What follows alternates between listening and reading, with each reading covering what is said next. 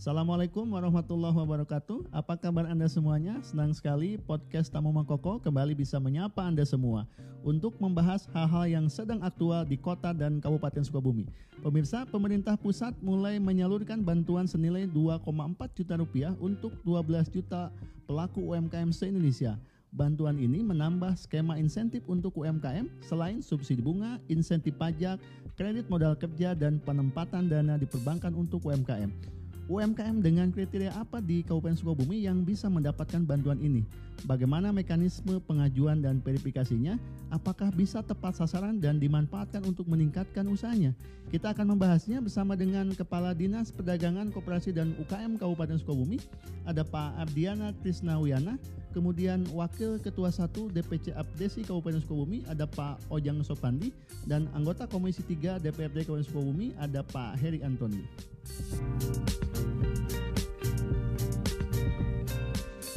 Saya ingin ke Pak Kadis dulu. Minggu ini kelihatannya dari postingan-postingan di medsos, dinas Anda ini paling sibuk ya. Iya. Melayani warga sampai antriannya sampai ke jalan itu. Iya, Luar biasa memang. betul. Pak Kadis, eh, bisa Anda jelaskan UMKM dengan kriteria apa yang bisa mendapatkan bantuan ini di Kabupaten Sukabumi? Ya, terima kasih. Assalamualaikum warahmatullahi wabarakatuh. Para pemirsa ya di Sukabumi Update. Perlu kami sampaikan bahwa pemerintah pusat melalui Kementerian Koperasi Republik Indonesia dalam rangka pemulihan ekonomi karena eh, pandemi wabah corona kita sepakat bahwa terutama para pelaku usaha mikro ini hari ini yang terkena dampak mereka kesulitan terutama di sektor non pangan ya kalau yang di pangan nampaknya mereka juga cukup bagus tapi yang di non pangan ini yang menunggu kesulitan Hmm. Nah, dalam rangka pemulihan ekonomi ini, pemerintah salah satunya meluncurkan program bantuan program produktif bagi pelaku usaha mikro Oke. sebesar 2.400. Persyaratannya hanya dua sebetulnya dari berdasarkan juklak itu. Pertama, warga negara Indonesia. Oke. Yang kedua, nanti ada su- surat tanggung jawab mutlak Tanggung jawab mutlak. mutlak dari penerima Hmm. bahwa dia adalah pelaku usaha, gitu kan. Tapi oleh provinsi ditambah bahwa mereka perlu dibuktikan bahwa apa itu apa keterangan usaha Su- surat keterangan usaha Oh, iya. gitu kan Dari desa itu ya. dari desa gitu kan kita berharap kepala desa juga dapat informasi dari RW dan RT Hmm. seperti itu nah eh, ini dikhususkan bagi pelaku usaha mikro yang memiliki asetnya kurang dari 50 juta Oke. dan kemudian omsetnya di bawah 300 juta jadi karena 50 undang-undang juta, eh, 300 juta itu setahun berarti. satu tahun omset tahun. ya omset ya contohnya seperti tukang cilok lah tukang lotek Hmm. lah seperti itu yang belum pernah mengakses kredit perbankan Yang belum mendapatkan. mendapatkan akses kredit dari perbankan baik itu program maupun mandiri. Hmm. Misalkan program seperti KUR. Iya, iya. Kalau mandiri dia butuh uang, punya sertifikat tanah, dia jaminkan. Jaminkan ke bank. Nah, jadi mereka yang belum pernah mengakses. Dan bagi masyarakat pelaku usaha yang punya tabungan, kalau punya tabungan di perbankan, Punya tabungan? punya tabungan. Kalau punya tabungan pun eh, maksimal harus di bawah 2 juta lah, gitu. Oh, tabungannya. Ya, Punya itu tabungan dia tapi bukan nasabah gitu ya. eh, nasabah, nasabah dari perbankan, Hmm. gitu kan? itu di bawah 2 juta. Oh, di bawah 2 juta. Ya, berdasarkan juklak yang Bukan peminjam maksudnya ya. bukan peminjam, Tapi dia hanya nabung. nabung saja gitu kan, seperti itu. Jadi itu persyaratannya. Persyaratannya. Baik. Eh, jumlah yang sudah mengajukan sampai hari ini sudah berapa yang tercatat ke Ya. BPKUKM?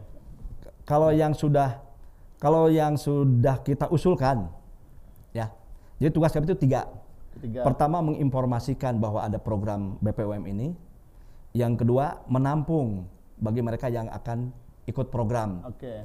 gitu kan nah yang ketiga fungsi kami adalah mengusulkan karena ada tujuh pintu pengusul ini Ada tujuh pintu. Ada tujuh pintu. Pertama Dinas Koperasi UKM, Oke.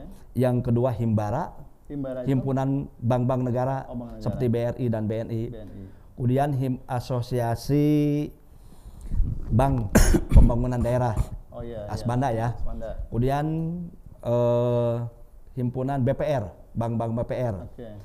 Lalu BUMN seperti Pegadaian, Oke. PNM, PMN ya. iya, PIP dan kemudian koperasi. Jadi salah satunya adalah DPK UKM. Ini mereka menampung ini berbarengan atau bagaimana? Eh, berbarengan. Ada yang lebih dulu, seperti kalau Himbara dia lebih dulu usulannya, ya. Bahkan di tanggal 1 tanggal 9 menurut informasi dari kementerian itu yang dari Himbara Iya. sudah pada masuk. Sudah Bak- pada masuk ke pada rekening. ma- tanggal 24 waktu launching itu sudah masuk, sudah banyak yang dapat eh, hampir satu juta Iya, orang. tanggal 24 24 waktu launching itu, ya. Pak Jokowi launching ya. Launching ya itu. Tapi sebelumnya tadi sudah ada yang masuk. Sudah ada yang Yang masuk. melalui pintu lain. Pintu lain kalau dari dari Dinas Koperasi UKM kita masih dalam proses nih. Oke. Belum ada kalau kita. Prosesnya itu yang oleh DPK UKM UKM. melalui surat tanggal 10 Agustus ini ya. Iya, betul. eh, disampaikan kepada camat se-Kabupaten Sukabumi Dan dan, kepala kepada desa. kepala desa se-Kabupaten Sukabumi. Baik, kita tahan dulu di situ. Eh, kita ke update dulu. Iya. Tadi disebutkan mekanismenya dimulai dari bawah. Salah satu ininya adalah SKU, surat keterangan usaha. Tadi disebutkan ada WNI, kemudian punya aset dan omset ya. Ya. ada aset 50 juta, ada omset di bawah 300 juta satu tahun. Kemudian kalau tidak salah kan ada bukan ASN juga ya, tidak Ya, boleh bukan ASN, tidak ASN, boleh. TNI, eh, Polri, tidak boleh pegawai BUMN, BUMD. Kemudian tadi eh, belum mendapatkan pinjaman perbankan. Apakah pemerintah desa juga ikut memastikan UMKM itu sesuai ketentuan yang disebutkan tadi, Pak Kadis? Baik, terima kasih. Assalamualaikum warahmatullahi wabarakatuh. Eh, kaitan dengan pertanyaan barusan, ya tentunya kami dari Apresi Kabupaten Sukabumi menyambut baik dengan adanya program ini karena yakin dengan program ini masyarakat bisa terbantu terutama daripada para pengusaha-pengusaha kecil yang masuk di UMKM tadi. Tetapi saya terus terang kami mempertanyakan Pak ke dinas Siap. kaitan dengan masalah sosialisasi sebelumnya. Oke. Kalau memang itu tadi sampaikan bahwa surat itu sudah diedarkan oleh kecamatan dan desa, tapi itu kan tidak seperti apa namanya itu sekedar edaran. Ya. Tetapi dari substansinya itu kadang-kadang kepala desa juga tidak begitu memahami dan kadang dan surat itu tidak nyampe pak. Tidak nyampe. Ya artinya ada yang tidak nyampe dan kades tidak tahu itu seperti itu. Tiba-tiba mereka kaget pagi-paginya banyak masyarakat yang datang ke desa bikin surat keterangan usaha Karena surat ini kan beredar di medsos. berada di medsos dan sebagainya. Dan hari ini tidak masuk kepada satu sistem pemerintahan saja, Pak. Masyarakat luas juga itu ada LSM, kemudian perorangan, mereka tuh datang ke masyarakat dan apalagi sekarang dengan musim politik hari ini tuh banyak kepentingan-kepentingan yang masuk, iya, Pak, di situ. betul. Sehingga kami bingung di desa ini. Nah, sebetulnya kami sebetulnya mengharap Pak Pak Kadis sebelumnya karena di kepala desa itu ada organisasinya Abdesi. Sebe- kami mengharap tadinya tuh dibawa bicara dulu nih Abdesi seperti apa mekanismenya. Karena saya yakin dengan tadi sudah sampaikan sekian ribu yang sudah masuk ke dinas kaitan dengan eh, yang mendaftar UMKM tersebut, ini kan jadi overload, Pak. Padahal saya yakin baik dinas maupun desa punya data tuh tentang data UMKM. ya, ya. Sehingga kami tadinya kalau memang ini tidak dipur seperti demikian, itu pasti kita bisa mengusulkan mereka dengan kriteria itu tadi. Nah sekarang jadi permasalahan adalah ketika masyarakat sudah tahu dan datang dengan bergerombol ke desa, kita kan tidak bisa menolak, Pak. Tidak bisa menolak. Tidak bisa menolak. masyarakat yang Kalaupun tadi ada kriteria-kriteria seperti itu, di lapangan tidak semudah seperti itu Oke, gitu loh. tidak. Faktanya seperti itu karena apa? Karena ketika masyarakat datang ke lokasi kita ke desa dan mereka menyampaikan bahwa ingin men- mendaftarkan diri mendapatkan program 2,4 juta itu, seolah-olah kami ini memanipulasi data, Pak. Hmm. Begitu. Mereka saya yakin mereka tidak punya usaha lain sebagainya kan gitu. Tapi karena ini seolah-olah ini ada bantuan dari pemerintah, ini lebih tidak lagi kepada bicara tentang permodalan, lebih kepada bantuan sosial saja kan seperti itu. Ini kan jadi masalah. Iya, iya. Saya yakin. Tapi nanti mungkin Pak Kadis juga punya punya punya data yang betul-betul. Apakah dengan sekian di, di saya saja sekarang udah hampir 400 UMKM Pak. Sedesa. Sedesa. Pajak. Iya. Faktanya di lapangan kan tidak seperti itu gitu. Nah sekarang dengan adanya bantuan ini, ini jadi membludak seperti itu. Nah kalau sekarang misalkan UMKM di desa-desa begitu banyak, saya kira desa ini sejahtera Pak. Harusnya ya. Harusnya. Tapi faktanya sekarang justru menjadi miskin kan begitu. Apalagi dengan COVID kan. Oke. Artinya semua kriteria itu desa tidak bisa memastikan di lapangan. Tidak bisa. Saya jujur itu tidak bisa. Dan ada indikasi bahwa jumlah yang mengusulkan itu tidak semuanya punya usaha. Tidak. Oke, itu itu fakta di lapangan. Karena apa? Karena kami bukan berarti tidak paham tentang kriteria tadi. Iya, iya. Tapi ketika kita misalkan, eh bapak, ibu, bapak ini tidak punya. Berdasarkan nanti kan kita punya struktur tuh kelembagaan, ada RT, ada RW di situ. Ketika tanya, mereka tuh tidak punya kegiatan itu. Masa tukang ojek misalkan punten, tukang ojek, supir angkot sebagai UMKM kan tidak juga. Iya, iya, iya. Kan sebetulnya. Jadi akhirnya dia menyebut di dalam kriteria itu dia usaha UMKM misalkan eh, perbengkelan atau apa kan begitu. Akhirnya seperti itu atau menjual Oke. HP apa sebagainya. Iya, iya. Nah sehingga saya yakin ini tujuannya saya yakin bagus lah pemerintah ingin membantu masyarakat, tetapi karena ini terlalu dibuka seluas-luasnya itu juga bermasalah. Sebetulnya desa punya data nggak sih sebetulnya data UMKM? Kita punya pak, karena setiap tahun juga kita mendata itu, karena memang eh, dinas juga membutuhkan tuh data dari desa. Makanya kalau misalkan data itu misalkan masuk ke kita, lebih lebih idealnya lah saya pikir pak itu harus ada kuota. Oke, nanti kita tanyakan. Eh, seperti itu. Jadi desa aja menengah, desa saya misalkan dapat kuota misalkan 20 UMKM. Basisnya adalah data yang tiap tahun Data yang di tahun kita, nanti kita akan akan evaluasi tuh mana yang patut dan wajar mendapatkan bantuan, Pak. Kalau istilah di bansos itu ada peripale ya. Ya, jadi diparipi- diverifikasi oleh kita. dan validasi. Iya, divalidasi data. gitu. Sebelum ditanggapi Pak Kadis, saya ingin ke Pak Dewan dulu nih. Eh, Komisi 3, apa upaya yang kurang bisa ini kan sudah berbicara soal tadi. Soal apakah ini bisa Kalau tepat ini. sasaran atau tidak kan gitu ya. Jadi Tadi tanggung- nanti tanggung jawab eh, faktanya dari desa-desa abdesi sebagian memang diragukan. dari kita. Iya. Nanti Apa upaya Dewan Sirik Jadi nanti ketika sudah pribadi, mengetahui ada fenomena bisa. seperti ini, Pak? Ya, Itu. terima kasih. Assalamualaikum warahmatullahi wabarakatuh. Eh, yang pertama-tama kita memang perlu mengapresiasi eh, kebijakan pemerintah pusat untuk meng- apa, mengungkit ekonomi kita eh, yang seperti disampaikan oleh Kepala Dinas Per- Koperasi dan Usaha Kecil Menengah ini. Eh, kami dalam fungsi sebagai anggota dewan dalam hal ini karena ini kebijakan pusat kayak gitu, bukan kebijakan daerah. Jadi kami juga tidak tidak tidak ikut dalam di sana kayak gitu. Tapi bagaimanapun karena ini urusan warga kita, rakyat kita ya pasti akan ada pengaduan kepada kami kan kayak gitu. Karena kami tidak tidak ikut merencanakannya, tidak ikut menentukan anggarannya. Ya, kita yang hanya bisa di dalam eh, koridor kita hanya yang sifatnya adalah kebijakan daerah kayak gitu. Tetapi ya tadi kami akan terus memantau karena persoalan ini sering yang terjadi itu bukan hanya ketidaktepatan sasaran.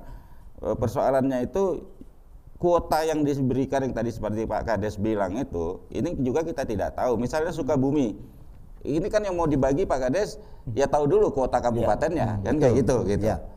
Kalau hanya disampaikan begitu saja gitu. Nah, yang sering juga jadi masalah persoalan kebijakan pusat ini tidak disertai dengan anggaran pendamping. ya. Oh gitu ya. Nah, bagaimana sekarang dinas mau melakukan verifikasi Ya, ya. verivale? Yang tentunya dia harus mengerahkan sumber daya manusia yang banyak. Kalau ini harus dilakukan dengan segera, gitu.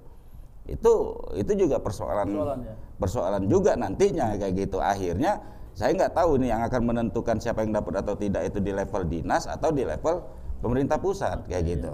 Nanti dijawab Gitu. nih. Soal banyak pertanyaan yang Itu. secara teknis Iya, tadi di lapangan sudah banyak Tapi yang jelas kita akan melakukan mencoba melakukan pengawasan dan kita akan mencoba melakukan untuk uji petik lah nanti setidaknya kayak gitu bahwa kalau ada yang sudah cair kita akan lakukan uji petik gitu. sekalian dana pendampingannya juga tidak ada nih, Pak. Nah itu dia kita kita baru bisa membicarakan nanti di APBD perubahan Iya, kalau iya. di sekarang nggak bisa kita Iya, kayak gitu. makanya. Itu. Oke, baik. Pemirsa, kita masih ada di Tamu Mangkoko. Eh, Sabtu ini membahas mengenai bantuan 2,4 juta rupiah untuk UMKM di Kabupaten Sukabumi. Siapa berhak? Sudah ada bersama Mangkoko, Wakil Ketua Abdesi, kemudian Kepala Dinas DPK UKM dan Komisi 3. Saya ke Pak Kadis, tadi Pak Ojang mengatakan bahwa di lapangan eh, kriteria tadi tidak semudah sebagaimana ketentuan diterapkannya dan ada indikasi warga yang sekarang membludak itu tidak semuanya memiliki eh, usaha UMKM dan desa pada posisi agak sulit menolak Dilematis, karena ya. warga itu luar biasa banyak itu. Sebetulnya nanti itu verifikasinya seperti apa sih Pak? Verifikasi untuk menentukan diusulkan ke pusat Ya. Eh, sekali lagi saya tambahkan dulu ya. Eh, kriteria persyaratan nanti yang dibutuhkan oleh pusat itu sebetulnya hanya dua. Warga negara yang ditunjukkan dengan KTP, di sana ada nomor induknya. Yang kedua sebetulnya bukan keterangan usaha, Keterawusaha itu sebetulnya dibutuhkan Target oleh kita. Hmm. Konsepnya nanti begini Pak Kades, dari S dari SKU itu kita ingin akan memberikan layanan di mana mereka mengisi profil, kita akan coba nanti buatkan izin usahanya dari perizinan. Hmm. Itu bahan buat kita. Sebetulnya yang dibutuhkan itu nanti adalah nanti sebelum cair yang bersangkutan itu ada surat pernyataan tanggung jawab mutlak dari yang pribadinya sebelum Apa cair. isinya itu Pak? Isinya surat pernyataan bahwa dia adalah pelaku usaha. Oke. Modalnya eh, asetnya 50 di bawah 50 juta, lalu itunya omsetnya 300 juta, tidak punya tabungan. Oke. Jadi nanti pribadi langsung Oke. yang yang bersangkutan. Jadi yang akan dikenakannya itu nanti kalau ada permasalahan di segi hukumnya. Oke. Nah kemudian tugas kami tadi sekali lagi, terutama untuk dinas dari pintu dinas kita mensosialisasikan, yang kedua menit pendaftaran, yang ketiga mengusulkan. Setelah itu kita putus, Putus ya. putus kita tidak tidak memvalidasi. Nah nanti konsepnya kementerian itu sudah membuat data dari kita masuk ke kementerian, di sana ada sistem ODS, Apa itu Pak? pembersihan data. Oke. Jadi mana yang nomor induknya, contoh gini, dia benar tidak punya eh, akses kredit. BI checking ya. Ya, nanti BI checkingnya dia masukkan ke KUR, program KUR, lalu skip dengan OJK. Makanya yang diminta bukan nomor rekening, tapi nomor induk. Begitu dihajar nomor NIK, maka kalau dia punya rekening di perbankan ada lima, semua keluar semua lima Dengan saldonya ya. dengan saldonya dan sebagainya. Kalau rekening kan cuma satu, berarti Ya. hanya BJB saja. Jadi dia sudah punya link dengan OJK, gitu kan? Nah pendataan seperti itu, contohnya eh, karena ini tidak mungkin dilakukan dengan manual. Di sana sudah punya sistem yang namanya ODS di data pembersihan. Lalu di kami saja yang kecil-kecilan programnya dibuatkan sistemnya. Seseorang ada yang daftar tiga dengan no- tiga nomor rekening. Oleh kita ketahuan, sudah kita closing dua, hanya satu. Nanti juga di sana di closing ODS juga. Gini kan ada yang masuk dari pegadaian, Iya. dari BRI masuk dari kita. Nanti jangan sampai ada duplikasi gitu. Jadi ya. itu memungkinkan masuk dari berbagai pintu. Berbagai bisa saja dia dari koperasi masuk ke Iya, kita masuk, ke- padahal bantuannya dari sana. Nah itu sistemnya ODS, itu kementerian. Nah setelah itu di tim verifikasinya diturunkan dari BPKP. Kapan tuh Pak verifikasinya? Kalau perhitungannya begitu, begini, karena tadi tidak ada kuota, jadi Tidak ada tiap kuota ya? tidak ada kuota, 12 juta itu mainannya langsung di pusat, tidak provinsi Jawa Barat sekian, Iya. Kabupaten Sukabumi. kabupaten ada? berapa, tidak ada. Tidak ada. Hanya Jawa Barat itu menargetkan 2 juta itu. 2 juta. Dap- tahu dapat atau tidak itu kan tergantung data percepatan makanya saya melakukan usulan itu tidak menunggu dulu sampai tanggal 31 Hmm. saya bahkan di surat itu dibuat tiga tahap Tiga tahap betul. ya Tahap ketiga itu tanggal tanggal 12 kirimkan 2000 31. Ya. Lalu sisanya kemarin 14 Tanggal kirimkan 21. jadi 16000 hari ini dikirimkan semuanya seluruhnya di 43000 43 ribu. sudah di 43000 sampai dengan hari Sabtu ini dikirimkan sekarang sedang input lagi anak-anak lembur nih Sabtu Minggu Hmm. Nah, data yang ada itu sekitar 60 ribuan. Kalau nanti Senin datang lagi, saya perkiraan antara 60 sampai 70 ribu nih Oke. dari pintu Eh, dinas, dinas. operasi UKM. Itu usulan dan itu verifikasinya. Kalau tadi yang disebutkan verifikasi itu dari BP, BPK. Ya, yang Kapan itu Pak tahapannya? Apa sebelum cair? Apa sesudah? sebelum Pak. Sebelum. Sebelum datanya. Nah, Itu verifikasinya yang dinas ketahui datang langsung ke lokasi di sampling atau bagaimana? eh, saya tidak tahu nih datanya. Yang jelas kita mengirimkan juga data ke BPKP. Jadi data itu masuk ke sana, masuk ke sana. Nah nanti kalau dibutuhkan data-data yang ada di kita hardnya itu kan software. Ya, ya. Nah hardnya disimpan di kita. Nah nanti mereka akan monitor melihat Artinya dinas tidak punya tugas atau kewajiban untuk memverifikasi tidak satu-satu punya, tidak punya. tidak punya. Tidak punya kewajiban. Ya. Selain tadi memang anggarannya tidak ada. Dan tentunya tidak ada. Hari ini saja kita, ya betul Pak, Tupoksi. kita sudah tiga minggu tupoksi dilaksanakan. Kami hampir mengerahkan sekitar 40 anak-anak Iya, iya. layanan dari pagi, bahkan kami Kamis, Sabtu, Jumat, Sabtu Minggu libur kan, mereka lembur. Lembur Pak. Oh, iya, iya. Yang sekarang mengisi 43 ribu, kalau mengenalkan jam kerja tidak cukup Pak. Oke. Gitu kan. Tidak ada Tidak. tugas kewajiban dinas untuk memverifikasi Pak Ojang. Ini Hmm. luar biasa. Eh, tadi semakin menunjukkan bahwa kemungkinan memang ada eh, tadi kegiatan-kegiatan usulan-usulan yang sebetulnya kegiatan usahanya tidak ada di lapangan. Ya begini Bung, jadi sebetulnya ka- kalaupun memang tidak ada dana pendamping untuk tadi Pak validasi data, sebetulnya kalau memang kerjasamanya dengan desa, tadi sebetulnya awalnya kan harusnya ada ada kuota. Ya, yang jadi permasalahan kan tidak ada kuota. Tidak ada kuota, Tidak ya. ada kuota yang jadi permasalahan jadi liar nih permasalahan Iya. ini. Jadi kalau ada kuota, nanti misalkan Kabupaten Sukabumi dapat misalkan 40 ribu UKM. Iya. Nah, 40 ribu ini bagi 381 desa ditambah 5 kelurahan misalkan seperti itu. Ya. mhm. Ini kan bisa nanti kita hitung. Nah, kami misalkan di desa-desa bisa mengidentifikasi tuh, dipetakan. Oh, ini UMKM ini ini yang kita usulkan. Ya. Jadi maksud saya yang yang punya usaha dulu tuh yang mendapatkan bantuan. Yang nah, real. kalau memang kuotanya sudah belum ter, misalkan belum mencukupi, baru kita nanti lempar ke yang, lain. Nah, saya yakin, Pak, hari ini tuh masyarakat tuh sangat mengharapkan dengan mereka tuh mendaftar mendaftarkan sebagai UMKM tuh harapannya mereka mendapatkan. Yang kedua juga mereka sekarang udah mengeluarkan biaya tuh bikin rekening lain sebagainya walaupun saya tahu dari dinas tidak ada perintah untuk bikin rekening. Oh tidak ada ya? Tidak ada. Tidak ada Pak. Tidak Tetapi ada. di masyarakat itu Berkembang. ada yang kelompok-kelompok bahwa mereka harus bikin rekening. Saya sudah sampaikan tidak perlu ada rekening. Ya. Tapi mereka membuat Pak tuh, membuat rekening. Biayanya kurang lebih hampir 100 ribu kan seperti itu. Iya. Nah ini kan jadi permasalahan-permasalahannya. Jadi dengan adanya bantuan dari pemerintah pusat ini, saya kira pemerintah pusat juga harus lebih bijak lah dalam konteks ini. Bukan hanya sekedar bikin program, Iya, iya. tetapi bagaimana akses dampak daripada permasalahan yang dikucurkan itu ke daerah. Kami desa ini sudah capek Pak sebetulnya. Semua juga udah capek di COVID ini. Iya. Karena kemarin dengan bansos lain sebagainya bagaimana validasi data. Iya. Kalaupun tidak ada anggaran, apakah kemarin validasi data yang di desa itu ada anggaran? Tidak. Tidak ada. Kita nggak ada, nggak ada tuh. Tapi kita mampu memvalidasi data masyarakat mana yang mendapatkan dan yang belum mendapatkan.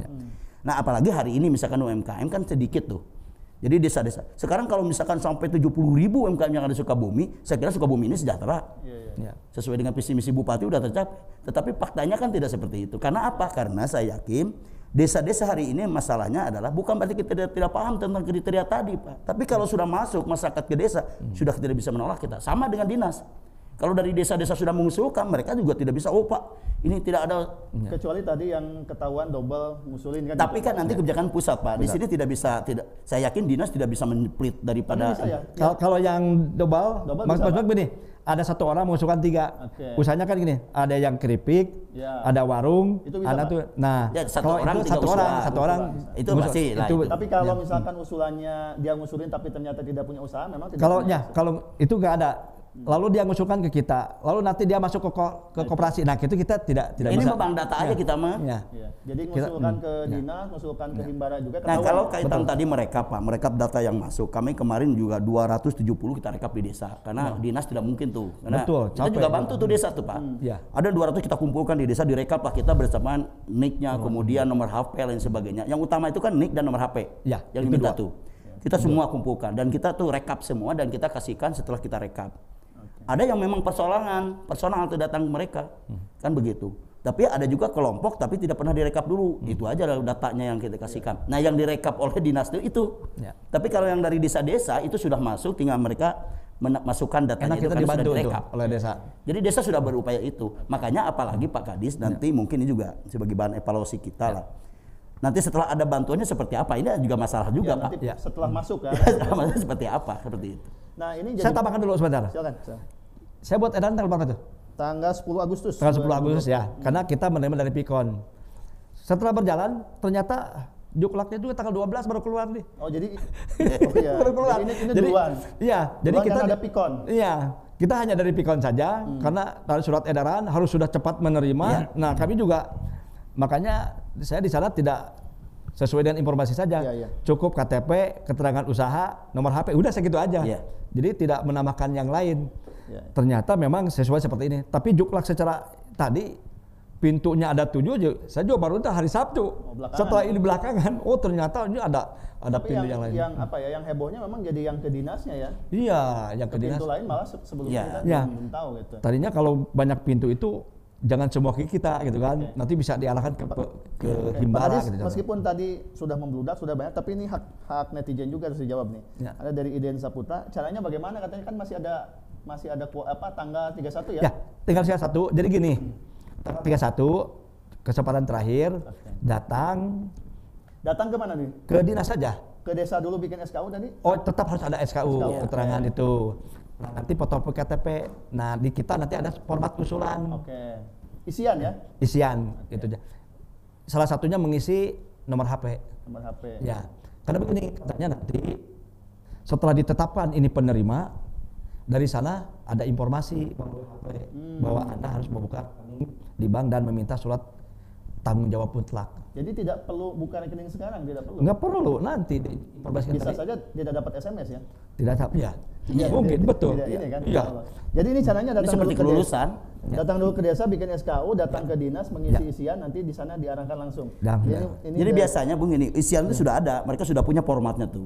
Jadi formatnya ada yang sudah beredar. Ya. Format Ditambah format namanya di belakang itu format formatnya ada.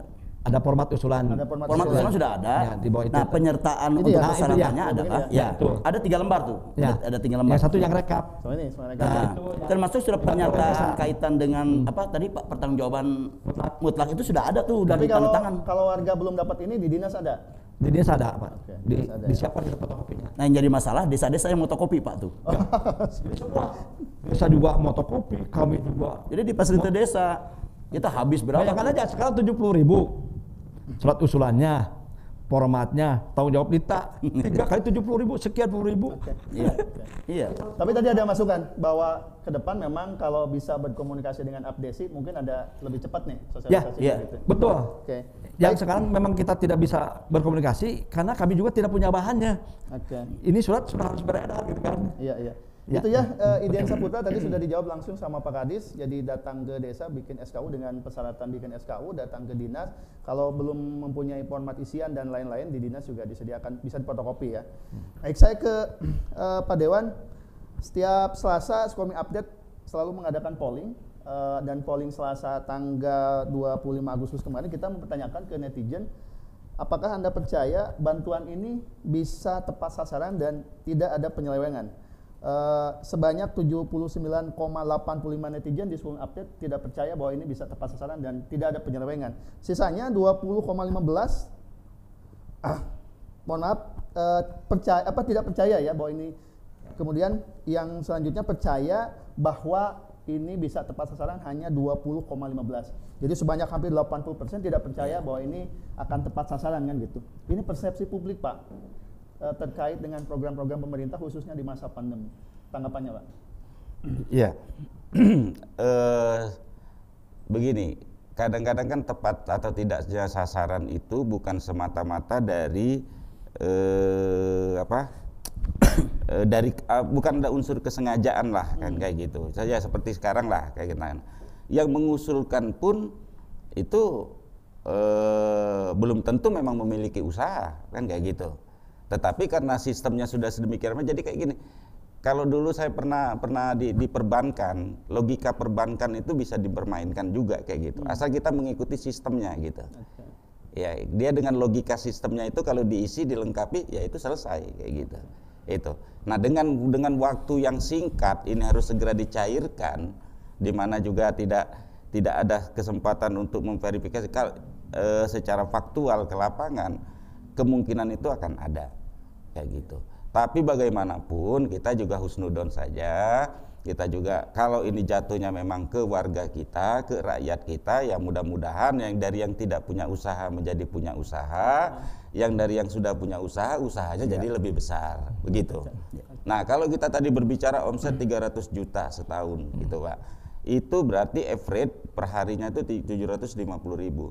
Kalau pedagang gorengan yang keliling, itu saya banyak wawancara, belanja mereka aja itu sekitar 300 ribuan sehari. itu Beli- maksimal pak tadi ya Iya, Iya, 300. Dia itu belanja mereka itu. Iya. Berarti omset mereka paling sekitar 400 ribu sehari. Dan itu tidak akan tersentuh oleh ini gitu ya. Kalau dengan kriteria 300, 300 juta itu maksimal tadi pak maksimal 300 300 ya Maksimal. maksimal maksimal. jadi Oh, bisa kalau di bawah. maksimal bisa dibawa kayak gitu. Oke. Oke. Cuma ya itu tadi ya, yang kita harapkan tuh. Tapi ya tadi Pak yang kita bicarakan di luar. Ya. Kalaupun mereka dapat bantuan, harapan kita mereka punya Ya. rencana bisnis Ya. gitu. Ya, ya. Jangan dari pedagang pikulan itu tetap pikulan saja gitu. Ya, ya. Sementara mereka butuh eh, modal kerjanya belanja terigu, belanja tempe, tahu, pisang dan sebagainya. Di jumlah itu tidak ada 300 ribu sehari. Lalu uang 2,4 juta ini untuk apa? Gitu. Oke, oke.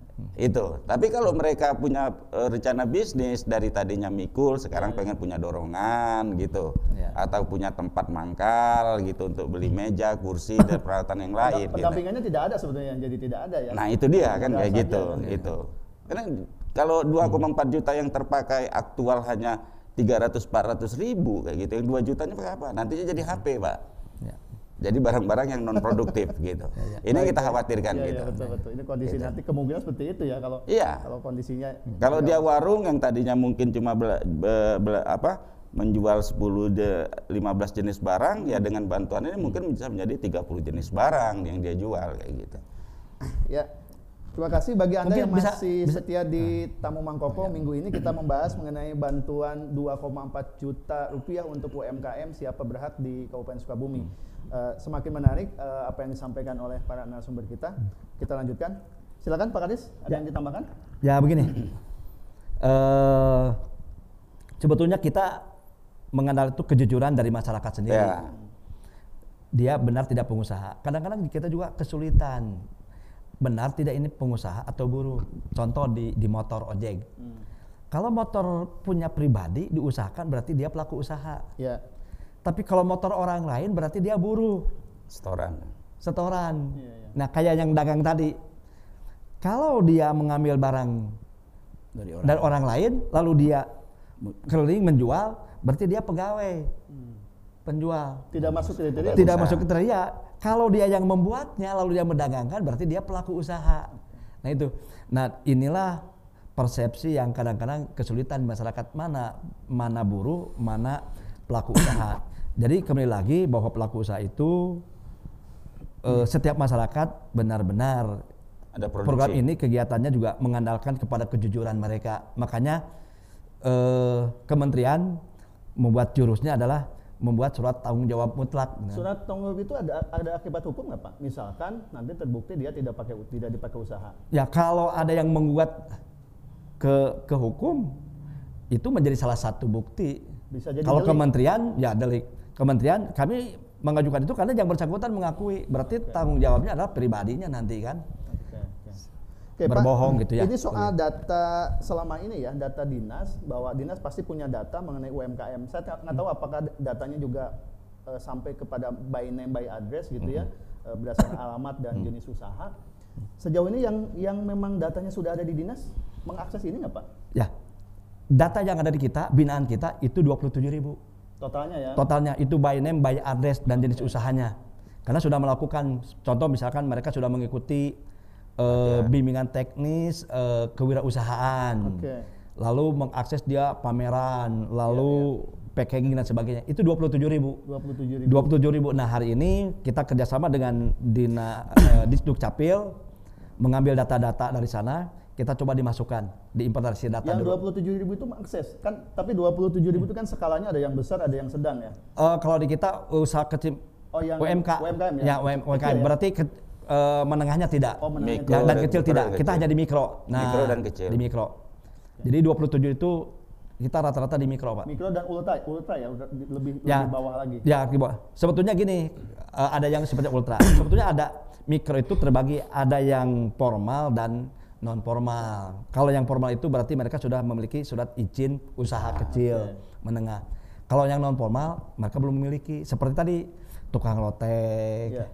Tukang pikul tadi ya ada kan. Iya, Nah, itu mereka tidak tidak memiliki itu. Tapi tercatat ya itu ada. Yang 27 Pak sekarang diusulkan nggak tuh? Nah itu itu. itu Nah, 27 ribu tuh. bukan yang- diusulkan mengakses Ya tidak. artinya maksud saya begini, Ya. karena ini BNBA-nya sudah ada di Ya. dinas, Betul. maksud kita ini kan dinas punya data nih. Apakah ada nggak secara khusus nih Oh iya. informasinya kepada mereka bahwa mereka harus segera memasukkan, Memanfaatkan. memanfaatkan fasilitas ini? Sudah nggak Pak? Lebih dulu informasi itu kepada mereka. Oh sudah. Sudah. Makanya setanggal 8-nya sudah ditayangkan ke kelompok-kelompok. Nah, baru yang untuk umum Tanggal saya buat 10. tanggal 9. Tanggal oh ya, ini. tanggal 9 ya. Beda satu hari. Ini suratnya tanggal 10, Ya. Yang Berarti tanggal 9 lebih dulu kepada binaan kita. binaan yang 27 ribu. Yang 27 ribu itu. Itu mengakses semua. Nah, saya belum belum mengidentifikasi mereka mengakses karena, Karena hari ini satu- kan satu pintu ya? satu pintu. Satu pintu. Kita tidak mempilah.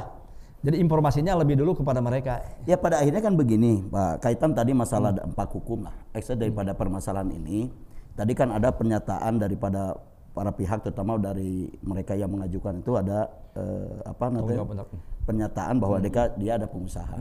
Tetapi manakala memang nanti ada kelompok atau para pihak yang melaporkan bahwa dia ternyata bukan pelaku usaha, misalkan fiktif, ini akan berdampak terhadap kebijakan kades karena menyangkut dengan surat keterangan Surat usaha. keterangan Iya, iya, nah betul, ini yang dikhawatirkan Ya, kan ya, betul. begitu. Betul, betul. Nah, permasalahannya kenapa kita bukan tidak paham tentang itu, tetapi ketika masyarakat sudah datang, kemudian mereka minta surat keterangan usaha dengan dalih dia sudah punya usaha, kan kita tidak bisa secara serta merta waktu itu mengidentifikasi ke lapangan, memvalidasi datanya apa benar dia pengusaha atau tidak.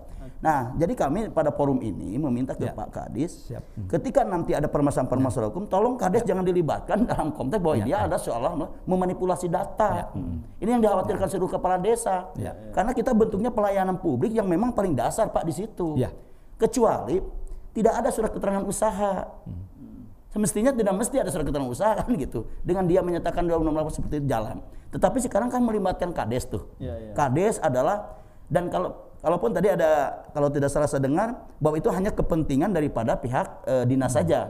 Apakah surat keterangan usaha ini masuk ke pusat atau tidak Pak itu? Ya. Nah kalau memang tidak hanya tadi di, di di dinas, saya kira ini tidak bermasalah. Tetapi kalau memang ini satu bundle masuk ke sana dengan jenis usahanya Ke PPK, PPK yang berdasarkan surat keterangan dari Kades yang tanda tangan Kades, ini juga akan bermasalah Pak. Dan kami mengharap nanti dinas juga ikut mempertanggungjawabkan itu. Ya. Karena memang kita tidak bisa menolak Pak tuh. Ya. Yang kedua, saya mohon nanti upayakan oleh Pak eh, Pak Kadis bahwa yang mengusulkan sekian ribu dari Kabupaten Sukabumi ini termasuk dari desa-desa mereka pastikan harus mendapatkan. Kami dorong itu. Apakah dia misalkan eh, dia pengusaha atau tidak tetapi ketika dia tadi saya sepakat Pak tuh. Mudah-mudahan dengan ada 2,4 itu dia jadi usaha. Kan begitu. Tetapi yang memang sudah berjalan usahanya lebih meningkatkan usahanya. Kan begitu dengan adanya support anggaran Ya, ya. 2,4 juta ini. Modalnya ya, Ada stimulan. Bukan nanti 2,4 juta justru dia dibelikan HP atau dibelikan kuota dan sebagainya. Jadi itu di- di- dihabiskan oleh dia bukan untuk, Untuk modal usaha. konsumtif, hanya. Kan begitu Pak. Jadi eh, makanya ini ada kekhawatiran-kekhawatiran Pak. Ya. Di forum ini juga masyarakat juga harus memahami kami kepala desa tidak bisa menolak usulan masyarakat kaitan dengan itu walaupun kami tahu di lapangan seperti apa. Tetapi konteksnya hari ini sebagai tanggung jawab moral kita sebagai sebagai kepala desa kepada masyarakat, kami tetap meminta kepada dinas upayakan mereka yang sudah masuk itu men- mendapatkan 2,4 juta. Jangan sampai nanti ada yang tidak dapat, Pak. Apalagi nanti justru terbalik. Mereka yang tidak punya usaha mendapatkan bantuan, yang punya usaha, yang sebenarnya dia punya usaha tapi tidak mendapat Ada bantuan. potensi konflik di sana, Mas. Potensinya seperti itu. Nah, makanya jadi saya kira kalau memang tadi kuota menjadi acuan, saya kira selesai itu. Iya, betul. Kalau kalau ada Kalau kuota. kuota. Oke, jadi Seperti itu. Jadi memang eh, bisa saja nanti masalahnya ketika sudah cair muncul ya tadi ada yang eh, betul-betul usaha tapi tidak cair. Tapi sekali lagi ditegaskan bahwa keputusannya ada di sana ya, Pak. Ya. Keputusannya tetap ada ada di kementerian. Kita hanya dimengusulkan. Nah, contoh kemarin juga saya lihat dari 43 tadi malam ya. Ya. Saya buka jadi kemungkinan tidak akan dapat semua logika ya. Nah, itu. Contohnya salah satu salah satunya kenapa? Begitu tadi malam begitu saya buka banyak yang nomor HP-nya tidak tidak ada. Ya. Oh, Kalau yang sudah nomornya HP-nya tidak ada, pasti itu dipastikan dia tidak akan dapat oke. logikanya. Karena kementerian tidak akan bisa mengakses menginformasikan data-data. Informasikan pada saat Ya, pada saat itu, mensalurkan, betul. Gitu. Itu ya. Contoh seperti itu. Salah satu contohnya ya. Salah satu contoh itu. Tidak bisa dielakkan lagi tuh. Tidak bisa dielakkan lagi. delete gitu. Atau nik misalnya. Ya, Atau nick salah gitu ya. ya nick sebagainya. juga salah pasti Oke, seperti oke, itu. oke. Ya, ini persoalan Ini yang- yang yang kalau nick kan kita sulit malam membedakan ada tidak tidak eh, lengkap atau tidak lengkap ya. Hmm, Tapi kalau nomor HP begitu dibuka formatnya nggak ada, wah ini pasti tidak akan dapat Ya, ini. Logikanya begitu saja. Tidak Contohnya. disusulkan Ya, mungkin. Pak di, diminta data Nah, kami kan kesulitan dengan waktu yang terbatas, lalu meminta pada siapa? Oke. Kalau apalagi perorangan, harus pada siapa kirim bang? Iya, iya. Kan alat kontak itu hanya HP hari ini. Iya, iya, ya, iya. iya. contoh seperti itu. Pak. Oke. Iya, jadi ya dalam hal ini saya sangat berharap nanti ada transparansi yang disampaikan, Pak. Meng- Mengajukan sekian, mungkin dari dinas juga sudah bisa memfilter kayak gitu. Jadi eh, yang syarat-syaratnya lengkap itu berapa, baru kita bicara lengkap tidak lengkap saja lah Iya, dulu kayak betul. gitu. Nah nanti juga ada dipublis juga mana siapa saja yang mendapat dan itu datanya sejelas mungkin, nama, alamat dan desanya di mana, jenis usahanya apa kayak gitu. Itu perlu dipublis untuk kita membangun eh, check and recheck yang Ya, yang inilah kayak gitu. Nanti kami dewan mungkin akan melakukan eh, uji petik di beberapa kecamatan atau beberapa desa untuk melihat ya benar nggak itu usahanya ya sama tadi. efektivitas penggunaannya itu ya. Betul, itu. Ya. Pak Dewan melanjutkan, ini kan keli- kelihatannya memang masalah utamanya selalu adalah sinkronisasi data. Betul. Tadi di desa mungkin sudah punya, tetapi update-nya seperti apa? Kemudian di dinas juga ada 27 ribu ya, Ya. data UMKM. Tapi diujinya ya pada saat ada bantuan begini kan kita kalang kabut semuanya. Harus seperti apa nih supaya ke depan ini ditengahi sama Dewan nih, Ya. pemerintah desa dengan dinas supaya data ini harusnya ada satu data gitu ya. Iya, ki- ki- kita juga sebenarnya sering seperti itu termasuk data untuk eh, apa kakak miskin dan sebagainya. Seperti halnya kita membahas eh, apa perda mengenai bantuan hukum untuk rakyat miskin, kita menentukan kriteria rakyat yang mana ini yang dibantu kayak gitu. Itu. Kita mau pakai data apa? Apakah data BKKBN, apa data data dari dinas sosial atau apa? Gitu itu itu yang selalu akhirnya kita putuskan kita harus pakai satu sumber saja yaitu di dinas sosial gitu. Oke, ini jadi PR Gitu. ya ke depan nih. Dinas dengan desa dengan dewan bahwa kita memang diujinya pada saat ada Ya memang jadi permasalahan itu di data, Pak. Ini kita dengan dengan adanya Covid Hmm. ini luar biasa ini. Iya, Kita pertaruhannya semua itu juga bermasalah di data. Bantuan-bantuan sosial yang kemarin juga itu permasalahan di data. Iya. Nah, sekarang pun dengan adanya ini juga jadi desa itu ada dua, dua permasalahan yang kemarin Iya. masalah kita tentang bansos, sekarang masalah UMKM. Jadi semua itu numpuk di desa permasalahannya. Iya, iya. Seperti itu. Ujung Contoh data yang desa. berat itu seperti ini Pak. Eh, seorang petani nih, dia punya sawah misalnya 1000 meter, tapi dia juga pernah punya ternak domba. Dia punya kolam misalnya dua area. Ke dinas perikanan dia mendaftarkan sebagai keluarga petani ikan. Ke dinas peternakan dia mendaftarkan diri sebagai peternak. Peternaknya. Gitu. Betul. Oh gitu ya. Ya, di, di pertanian dia mendaftar sebagai petani tanaman pangan ini. Tiga ya. Kan gitu. Ya. Itu. Nah, ini data kita yang bikin bingung ini pada saat ada bantuan untuk peternakan mereka masuk gitu. Itu yang sering terjadi di masyarakat anu menang mah eta deui eta deui gitu. Dan kebetulan misalnya orangnya rajin gitu. Kalau tidak dapat tanya Pak Kades biasanya yang Nah, itu. yang dia dapat nggak mau gotong royong biasanya. Nah, ya, ini berdampak, berdampak semua. Iya, iya. Terhadap perilaku perilaku masyarakat. Saya ingin ke solusi Pak Kades dengan ini soal data ya. Harusnya seperti apa sih data di desa sinkronisasi dengan kabupaten itu? ini semua harus duduk- duduk satu meja, tidak ego sektoral. Ini hari ini kan kadang-kadang ego sektoral tuh, termasuk masalah data tadi. Sebetulnya yang menjadi tolak ukur, menjadi kriteria kemiskinan itu yang mana? Termasuk misalkan kriteria UMKM tadi. UMKM tuh ya. UMKM itu seperti apa sih kriterianya? Kan begitu. Sehingga kami punya punya rujukan di desa. Nanti mungkin dinas tuh bisa memberikan ke desa tuh UMKM seperti apa. Ya.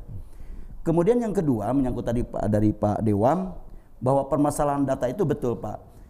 Nah, saya mengusulkan bahwa dinas-dinas ini terkait jangan sampai tadi tumpang tindih. Oh, dia ada petani ini punya sawah, punya kolam, kemudian punya ternak, domba. Tapi ketika dia mengusulkan orang itu ada sampai empat seperti itu.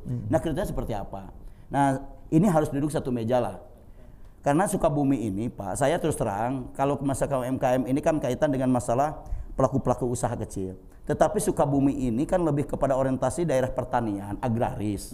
Ini harus dipus, Pak, seperti itu. Jadi jangan karena sekarang misalkan ada UMKM seperti ini, ada uang 2,4. Terus bagi petani-petani yang di sawah hari ini yang tidak modal untuk misalkan Beli membuka lahan, kemudian tidak punya ini seperti apa kan begitu. Ya, benar. ini jangan-jangan kebijakan ini jangan kebijakan yang bersifat parsial kan begitu. Iya. Di sini dipus tapi di sisi lain misalkan ditinggal. Dampak Covid ini semua kan bukan cuma di UMKM. Tapi saya yakin karena memang ini gembor-gembor isunya adalah ini penguatan ekonomi lem- eh, apa usaha kecil ini di- diperkuat dengan permodalan itu. Kalau sebenarnya kalau mengarah ke data online juga bisa ya. Data yang satu data kemudian desa bisa akses, dinas juga bisa akses misalkan. Nah, ada satu sistem lah yang harus dibuat antara dinas dengan di desa. desa itu kan sudah, Iya. sudah harus ada sistem informasi Iya, desa. betul. sebetulnya. Iya. betul. Ini kayaknya mesti digagas Ya, Pak Dewan. dalam- juga termasuk termasuk ini eh, data ya siapa saja yang sudah pernah menerima bantuan kayak gitu. Ya, ya, ya. Ya jangan sampai nanti bahasa Dia lagi, dia lagi. eta deui eta deui lo lagi lo lagi itu muncul sementara yang nggak kebagian nggak kebagian Nah, terus. saya kira gitu. ini sekarang penekanannya kami Gitu. dari desa, kebetulan ada dewan, dewan wakil rakyat. Coba Pak itu di- ditelusuri Pak seperti apa. Dewan juga turun nanti ke situ. Bagaimana masalah data UMKM ini betul-betul bisa punya data yang betul-betul bisa dipertanggungjawabkan. Dan ketika nanti ada bantuan-bantuan dari pemerintah pusat, provinsi, kabupaten, betul-betul dia ada Semestinya penerima. kita sebenarnya sudah Seperti punya itu, bank Pak. data seperti itu, Pak. Semestinya ini. Kita sudah punya bank data eh, mana yang sudah pernah dapat, mana yang belum. Jadi pada saat ini yang mana yang harus kita ajukan semestinya. Tapi bisa gitu. kerjasama dengan Sukomi Update misalkan ini pengusaha kan gitu nanti Sukomi Update yang Iya, iya. mengekspos kan. Ya termasuk kayak gini, nanti misalnya ada kebijakan dari perbankan, mana yang diajukan ke perbankan, mana yang diajukan gini. Karena usaha kecil ini sebenarnya persoalan utamanya memang akses modal. Mereka tidak bisa mengakses perbankan. Modal dan pemasaran Pak. Ya, Modal ada, produksi ada, tapi pemasaran. Nah ini juga harus dibantu oleh pemerintah. Pak Kadis, silakan. Eh, begini, Soal data nih. ya soal data. Hari ini sudah kita di 2019, terutama di bulan November Pak 2019. 19 kita sudah coba masalah data ini. Kita sudah kerjasama dengan Capil. Kita gunakan ya data yang dari Capil dulu. Nah kemarin sudah kita pilah. Kemarin sudah dua kecamatan kita input data dari Disduk Capil itu. Nah ternyata kemarin ada sekitar 16 ribu pelaku usaha. Hmm. Nah, kita akan coba nanti ke kecamatan-kecamatan yang lain, berarti tinggal 45 kecamatan lagi. Ditambah yang hari ini, kita juga cross check bantuan ini berarti sudah ada 70 ribu ya. Nah nanti kita akan coba per desa, kita akan petakan data itu. Nah nanti kita akan kerjasama dengan desa, tolong dibantu nanti untuk divalidasi, diverifikasi ya. Verifikasi, validasi Verifikasi, ya. Betul tidak ini pelakunya di sini gitu kan? Karena kan di di Sudapi itu wira swasta, wira usaha. Iya. Padahal motornya motor orang lain. Karena Ya. di lapangan kan bisa bisa Ya. bisa bisa dihajar. Nah kalau kami kan datanya hanya di situ. Karena data kami kan data-data sekunder. Nah mungkin data primer nanti bisa bisa dihajar di. Iya, iya. Nah itu yang yang sedang kita coba hari ini. Mudah-mudahan makanya hari ini juga di sananya juga pendataan. Jadi ini, ini jadi jadi pintu masuk ya untuk bisa memulai data itu betul Iya, valid. betul. Kan ada 27 ribu Ya. kemungkinan nambah 27 hari ribu tambah 16 ribu berarti sudah 33 ribu nih Iya. data. Tambah sekarang 70 ribu. Artinya untuk bahan peripale itu bisa itu Pak. Bisa Iya. Yang 27 ribu Iya, itu. tinggal nanti double tidak yang 10 ribu Iya, iya. masuk yang sudah di Sama- sana gitu kan. Sama Ya. validasi betul nggak Iya, usahanya kan gitu. betul. Mungkin 27 ribu sekian Iya. bisa berkurang nanti. Jadi, Ya, kami, kami saya- harus harus saya mengejar ber- target yang dikeluarkan BPS statistik Oh iya. 250 ribu benar tidak 250 ribu itu gitu kan? Di mana? Ya. tuh? Iya, iya di mana gitu kan?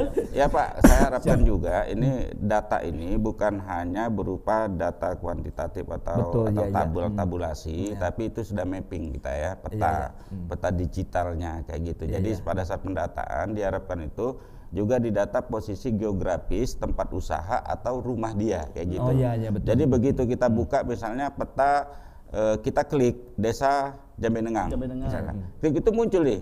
Pelaku-pelaku titik-titik pelaku usahanya itu di mana? Iya, iya. Kayak gitu gitu, Pak. Gitu. Kayak data covid ya gitu. Ya, Klik-klik gitu. langsung. Jadi begitu kita klik titik satu itu muncul data dia, namanya Ujang, Ya, usaha apa, gitu, gitu, Pak. Ya.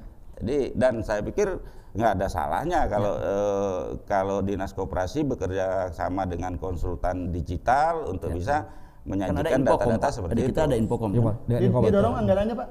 Oh iya kita, siap sepanjang Siap, Pak, sepanjang ini kita nggak pernah menolak anggaran. Alhamdulillah Yang menolak selama ini anggaran- Komisi 3 membantu terus. Membantu Iya, yang membantu menolak terus. anggaran itu BPKAD kok bukan kita. Karena kan kok- ininya Kita sekarang kan gini. di- sesuai kemampuan keuangan daerah Pak, Pak. Dewan, kaitan dengan masalah anggaran. Ya. Jadi ketika hari ini kita sudah punya data dan mereka yang tidak dapat bantuan dari pusat nanti yang 2,4 itu tindak lanjuti tuh oleh Pemda. Nah, justru itu Harus seperti itu. Ja- Jangan ja- anggaran yang belum dapat kan begitu. itu itu bukan mustahil Pak Kades. Sepanjang kita tadi tadi datanya Asal juga jelas. kita sudah valid kayak Valid, gitu. ya. Kalau memang dia pelaku usaha, terus ternyata dia tidak terakomodir oleh program pusat, why not kita usulkan di APBD 2 ataupun APBD provinsi Ya, gitu. harus. Ya, iya. Itu. Karena kami tetap aja lah sebagai kepala desa kita ngotot bahwa masyarakat kita harus dapat tuh yang sudah mengusulkan. Udah capek lah mereka tuh Ya. menyiapkan pak motokopi macam-macam Ya. berdesak-desakan di dinas Harus tuh. berjuang Oke. begitu kepada Ya, ya. Ini Gitu. ada dari Dede Maskur. Apakah bantuan ini bagi UKM yang sudah memiliki izin? Tidak perlu ya? Tidak. Tidak perlu memiliki izin dulu ya. Kalau Tidak harus ada bagus. Oh, kalau ada bagus. Bagus. Tapi kalau belum juga Kalau bisa. belum juga ya. Tidak ada masalah. Cukup Jadi surat keterangan Oke, saja. Itu SKU tadi ya. Iya. Oke. Kemudian dari Sri Murtini, apakah warung bisa dapat dana UMKM? Ya bisa ya. Iya, bisa. Mengajukan Ini ya? semua semua skala ini. Oke. Jadi Semua ta- skala. Tapi mengusulkan artinya kan. Mengusulkan, Tidak ya. kemudian datang Ujuk-ujuk terima. ujuk-ujukan Iya, gitu ya. tidak. Oke gitu ya dari Dede. Tapi tetap limit waktunya nanti Senin. Oke, tanggal, Tanggal 31 Agustus terakhir itu. 2020. Jam eh, Jam ya sampai dengan jam 4 sore. Jam 4 sore. Pelayanan ya. Karena malamnya kita akan langsung masukkan Oke, input ya. Itu ya, tanggal 31 Agustus hari Senin sampai jam 4 Dinas eh, DPK UKM masih membuka Menerima pendaftaran. menerima pendaftaran untuk bantuan ini. Dan kami juga ingin apresiasi kepada seluruh ASN di DPK UKM yang lembur ya Pak, dua minggu, satu minggu nih. Wah, lemburnya sudah dua minggu, Dua Pak. minggu ya. Iya. Dan Sekarang teman- dia Sabtu Minggu nih, Dan lembur. teman-teman perangkat desa mungkin yang banyak dilemanya ya pandemi Ya. ini. Oh, sama, sama- sama, sama lemburnya pasti nih. Lembur, kemarin juga kita lembur kok dari pagi karena ini ada dua data yang kemarin saya kisahkan ke, ke desa. Pertama data yang dari dinas, oh ternyata datang lagi data dari pusat bahwa itu harus ada NIK dan Ya. nomor HP. Oke. Yang awal itu belum, Ya. sehingga dibalikan lagi tuh data kita, kita dipalidasi lagi, di, di, di, Sebetulnya di-input data lagi. itu Pak tiga kali. Pertama kita minta, yang itu datanya dari provinsi. Data yang mana datang? Yang data yang itu, yang rekap itu. Nah, Yang ini. Mereka, Pak. ya. Oh, ini. Nah, oh ini yang, nah ini yang kedua. Oh, yang kedua. Yang pertama yang dari provinsi. Ya. Oke. Cukup hanya empat ke sini. Sekarang yang kemarin kita robah lagi, robah lagi formatnya coba. Hmm. Dan dari kemarin hari Kamis yang kita setorkan itu, itu yang pertama se Indonesia. kita mengirimkan langsung, Oke, oke. menugaskan kasih berangkat sesuai dengan format yang terakhir. Iya, Karena iya. sosialisasi format itu malam Jumat, Pak. Jadi teman-teman kompeten yang lain baru bekerja hari ini. Kalau kita hari Kamis sudah setor yang 16.000 itu. Oke, oke. Ya. Oke, baik kita sudah di akhir acara sudah kita dengarkan tadi semua penjelasan informasi dari Abdesi, kemudian dari Dinas DPK UKM dan dari Komisi 3 banyak sekali tadi ada kesepahaman-kesepahaman yang harus tidak lanjut ini kira-kira Pak. Soal Iya. data, soal tadi anggarannya juga ada ada apa pemohon yang kemungkinan tidak akan mendapatkan itu eh, kemudian apa namanya bisa ditindaklanjuti oleh eh, APBD. Oke. Baik, terima kasih semuanya. Silakan dari Pak Ojang ada yang ingin disampaikan? Baik, terima kasih. Saja. Eh, Pak Mirsa, eh, Sukabumi Update, saya selaku mewakili Abdesi Kabupaten Sukabumi, mewakili 381 desa. Pertama, dalam hal ini, upayakan dinas dan kita sama-sama lah nanti berupaya termasuk para APH tidak ada dampak hukum daripada kegiatan ini Oke. karena ini betul-betul yang bersifat emergensi Pak seperti itu dengan waktu yang mepet kemudian masyarakat mengharapkan bantuan kita membu- membuat surat keterangan usaha. Jadi kami nanti ke depan tidak ada lagi yang melapor-melapor kemudian kades diperiksa gara-gara membuat surat keterangan usaha. Kemudian yang kedua kami mengharap bahwa masyarakat kita yang hari ini sudah mengusulkan dan mendaftarkan diri dari UMKM itu mereka harus mendapatkan seluruhnya. Karena mereka sudah berbuat mereka mereka sudah berjuang mereka sudah mengeluarkan anggaran tenaga dan pikiran dengan waktu yang luar biasa pas saya di dinas kan begitu pak itu yang harus kita hargai Jam 5 subuh ya? Ya, Jam lima subuh kami ada. kami tidak mempermasalahkan apakah dia punya usaha atau tidak, tapi faktanya hari ini mereka sudah mengklaim dirinya adalah sebagai pengusaha dan UMKM dan mereka harus mendapatkan bantuan itu. Itu. Ya. Pak Kadis silakan. Ya. Singkat saja. Terima kasih Sukabumi Update juga ya sudah memberikan waktu untuk menyampaikan bagaimana sekelumit duka suka duka dan informasi mengenai program BPOM ini. Yang kedua, saya ucapkan terima kasih juga kepada kepala desa dan lurah. Kami tidak akan bisa mengusulkan ini tanpa bantuan dari teman-teman dari kepala desa dan lurah. Dan juga mohon bantuan juga nanti dari dewan dan semua pihak begitu nanti ada penetapan saya juga akan minta siapa saja yang dapat gitu kan lalu juga kami nanti akan beritahukan kepada halayak siapa saja sih yang dapat supaya nanti tidak ada dusta Akan Dan dibuka ya datanya. ya kalau saya kalau saya terima pasti akan berikan soalnya bagi saya penting nanti untuk disampaikan ke himbara karena untuk mengakses Ya, ya. bukan rekeningnya mereka gitu kan yang ketiga kami mohon bantuan jangan sampai nanti ada yang mengklaim bahwa itu hasil perjuangan seseorang lalu meminta upah dari itu Tidak ada Ya. potongan serupiah. tidak ada potongan sesen pun karena itu langsung ke rekeningnya dan juga nanti jangan ada yang nyusul gitu kan Oke. yang keempat kalau mereka sudah menerima gitu kan harapannya juga sama kami sudah berjuang capek dan sebagainya ini akan bahagia kalau seluruh yang kita usulkan dapat ya. Ya. Ya, ya. Kalau kami sih inginnya masyarakat kita semua dapat gitu kan. Nah, mudah-mudahan yang mereka itu adalah nanti usaha pemula. Ya. Eh, usaha pemula mah jangan perlu ayah usaha Ya. gitu kan. Mudah-mudahan seperti itu. Nah, dan mohon jika dapat nanti dimanfaatkan sesuai dengan kebutuhan usaha untuk misalkan belanja kebutuhan-kebutuhan untuk permodalan mereka gitu kan. Terima kasih. Pak Ya. Dewan, silakan. Eh, terima kasih Sukabumi Update. Ini acara ini bagus banget. Eh, mudah-mudahan acara seperti ini bisa diundang lagi nanti. Insya Allah. Harapan kami sebagai wakil rakyat, ya program dari pemerintah pusat ini benar-benar bisa bermanfaat secara maksimal untuk merubah kehidupan eh, warga Sukabumi.